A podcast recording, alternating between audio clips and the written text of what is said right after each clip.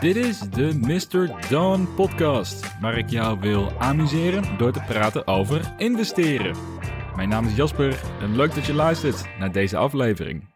De vaste luisteraars hebben gemerkt dat ik gisteren een aflevering heb gemist. Sorry daarvoor, dat had te maken met de omstandigheden in het nieuws, waardoor het niet goed voelde om vrolijk over aandelen te praten. Maar we zijn weer terug met een splinternieuwe aflevering. En om het goed te maken wordt er aankomende maandag een XL-aflevering geplaatst met een aandeelanalyse over de Tattooed Chef. Wat een, uh, waarschijnlijk een hele leuke aflevering gaat worden, want dan is dan meteen de laatste aflevering van het eerste seizoen van de Mr. Dawn podcast. Ik ga lekker een korte vakantie vieren, mijn creativiteit opnieuw bijtanken en dan met heel veel enthousiasme aan de start met het tweede seizoen. Het format en de inhoud is nog niet definitief, maar ik heb wel het gevoel dat ik vrijwel alle onderwerpen heb behandeld die interessant zijn voor de beginnende beleggers. Dus de kans is groot dat het meer richting analyses gaat. Maar er staat nog één onderwerp open die beginners aangaat en daar gaan we het vandaag over hebben. Namelijk waarom het heel logisch is om een fles champagne te openen als jouw favoriete aandeel fors in koers aan het dalen is. Klinkt tegenstrijdig, want we willen allemaal natuurlijk zoveel mogelijk geld verdienen. Maar in deze aflevering vertel ik je waarom dat voor de lange termijn investeerders een zegen is. Maar voordat ik je dat ga vertellen, volgt uiteraard deze vaste disclaimer die inmiddels iedereen kan dromen, maar daardoor niet minder belangrijk is. Deze podcast is voor entertainmentdoeleinden. Ik ben geen financieel adviseur, dus doe altijd je eigen onderzoek. Vanavond heb ik de hele avond rijkhalzend gekeken naar één specifiek aandeel in mijn portfolio. En niet omdat de koers daarvan flink aan het stijgen was, maar juist omdat de all-time low was aangetikt. En in dit geval heb ik het over Desktop Metal, een van mijn grootste overtuigingen. En de reden waarom ik met een adelaarsoog de koers in de gaten hield, is niet omdat ik hoopte dat de koers weer zou gaan herstellen, of omdat ik klaar zat om aandelen te gaan verkopen. Nee, ik zat te wachten op het moment dat de koers nog verder zou gaan zakken. Sterker nog, bijna als een fanatieke voetbalsupporter was ik de koers aan het aanmoedigen om verder te blijven dalen.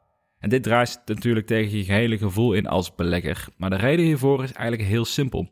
Voor al mijn aandelen in het portfolio heb ik een analyse gemaakt van verwacht rendement over de komende jaren, als de daadwerkelijke resultaten in de buurt komen te liggen van mijn verwachting. En dit is een eenvoudige formule in Excel die uitrekent wat het gemiddelde jaarlijkse rendement gaat zijn over in ieder geval de komende vijf jaar. Het is zeker niet foolproof, maar het helpt ontzettend bij het krijgen van een goede lange termijn mindset. Want de omzetverwachting van het bedrijf, dat staat helemaal los van de koers. Voor Desktop Metal heb ik een omzetverwachting en daarvoor liggen zij nog steeds vol op schema. En een tijdje terug kwam er een analyse dat ik hiermee gemiddeld een rendement van 25 à 30% per jaar verwacht te gaan halen over de komende vijf jaar. Wat toen dus al betekenen dat het een hele goede buy was in mijn ogen. Maar wat gebeurt er nou als ik dezelfde formule aanhoud terwijl de koers 30% is gedaald vanaf dat moment? Nou, logischerwijs wordt dan mijn verwachte rendement over de komende vijf jaar nog vele malen hoger dan het al was. En dan is het geen uitstekende koop meer, maar dan wordt het een absolute no-brainer.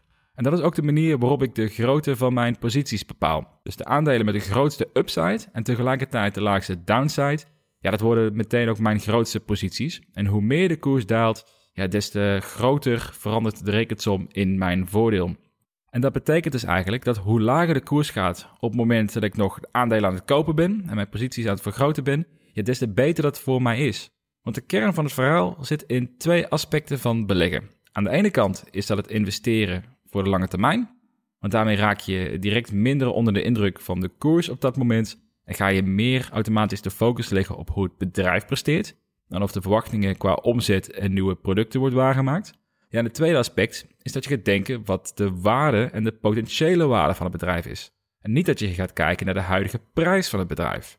En hierbij is de nuance dat de prijs hetgeen is wat je ervoor betaalt, maar de waarde kan veel hoger of veel lager liggen.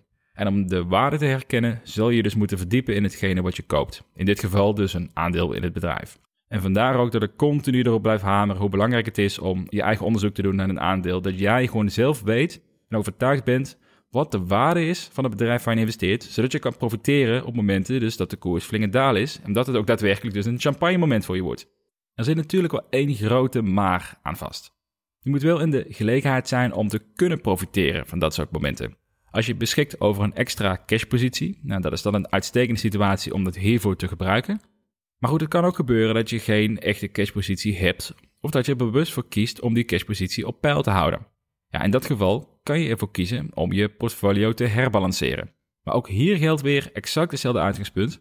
Als je een afweging maakt welke aandelen hoogstwaarschijnlijk een hoger gemiddeld jaarlijks rendement voor je gaan verzorgen, op basis van een fundamentele analyse en natuurlijk ook wel een beetje eh, vingerspitsige feel van wat je verwacht, de redelijke wijs, qua, bijvoorbeeld qua omzet, ja, daar kan je hier ook slimme keuzes in maken. En in mijn geval kan het bijvoorbeeld ertoe leiden dat ik een van mijn favoriete aandelen, namelijk Pinterest, uiteindelijk ga besluiten om te verkopen, omdat hij inmiddels redelijk rond de fair value staat en daarmee de upside en de downside meer in balans liggen met elkaar. Dat betekent niet dat ik Pinterest een slechte investering vind, bij lange na niet, het blijft een van mijn gouden aandelen, maar als Pinterest mij een verwacht rendement geeft van 10% per jaar over de komende tijd, en Desktop Metal haalde een verwacht rendement van 30%, ja, dan is dat een wereld van verschil. Ook omdat het gewoon ieder jaar erbovenop telt. Dus je hebt de compounding interest, wat hier natuurlijk een ontzettend, uh, ontzettend belangrijke rol in speelt. En ja, en dan zijn dat moeilijke keuzes die je kan maken. Maar als je dit soort kansen voorgeschoteld krijgt met aandelen waar je echt in gelooft, ja, dan is het zonde om daar niet gebruik van te maken. Maar dan kom ik er terug, dan moet je dus wel voorbereid zijn op die momenten. En het dus ook zien als een champagne moment als de koers daalt. Want dat is de tijd waarbij jij je rendement in de toekomst veilig kan stellen. Dus de conclusie, als de koers voor jouw favoriete aandelen daalt, zie het als een geluksmoment en een mogelijkheid om je positie met extra korting te vergroten. Mocht je geen cash meer hebben, dan kan je overwegen om posities te herbalanceren naar hetgene waar jij het meeste rendement mee verwacht.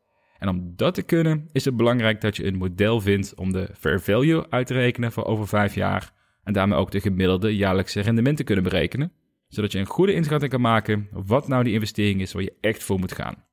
Dus zet de champagne of het biertje maar alvast koud, want de volgende keer als de koers van jouw favoriete aandeel daalt, dan is het tijd om te ploppen.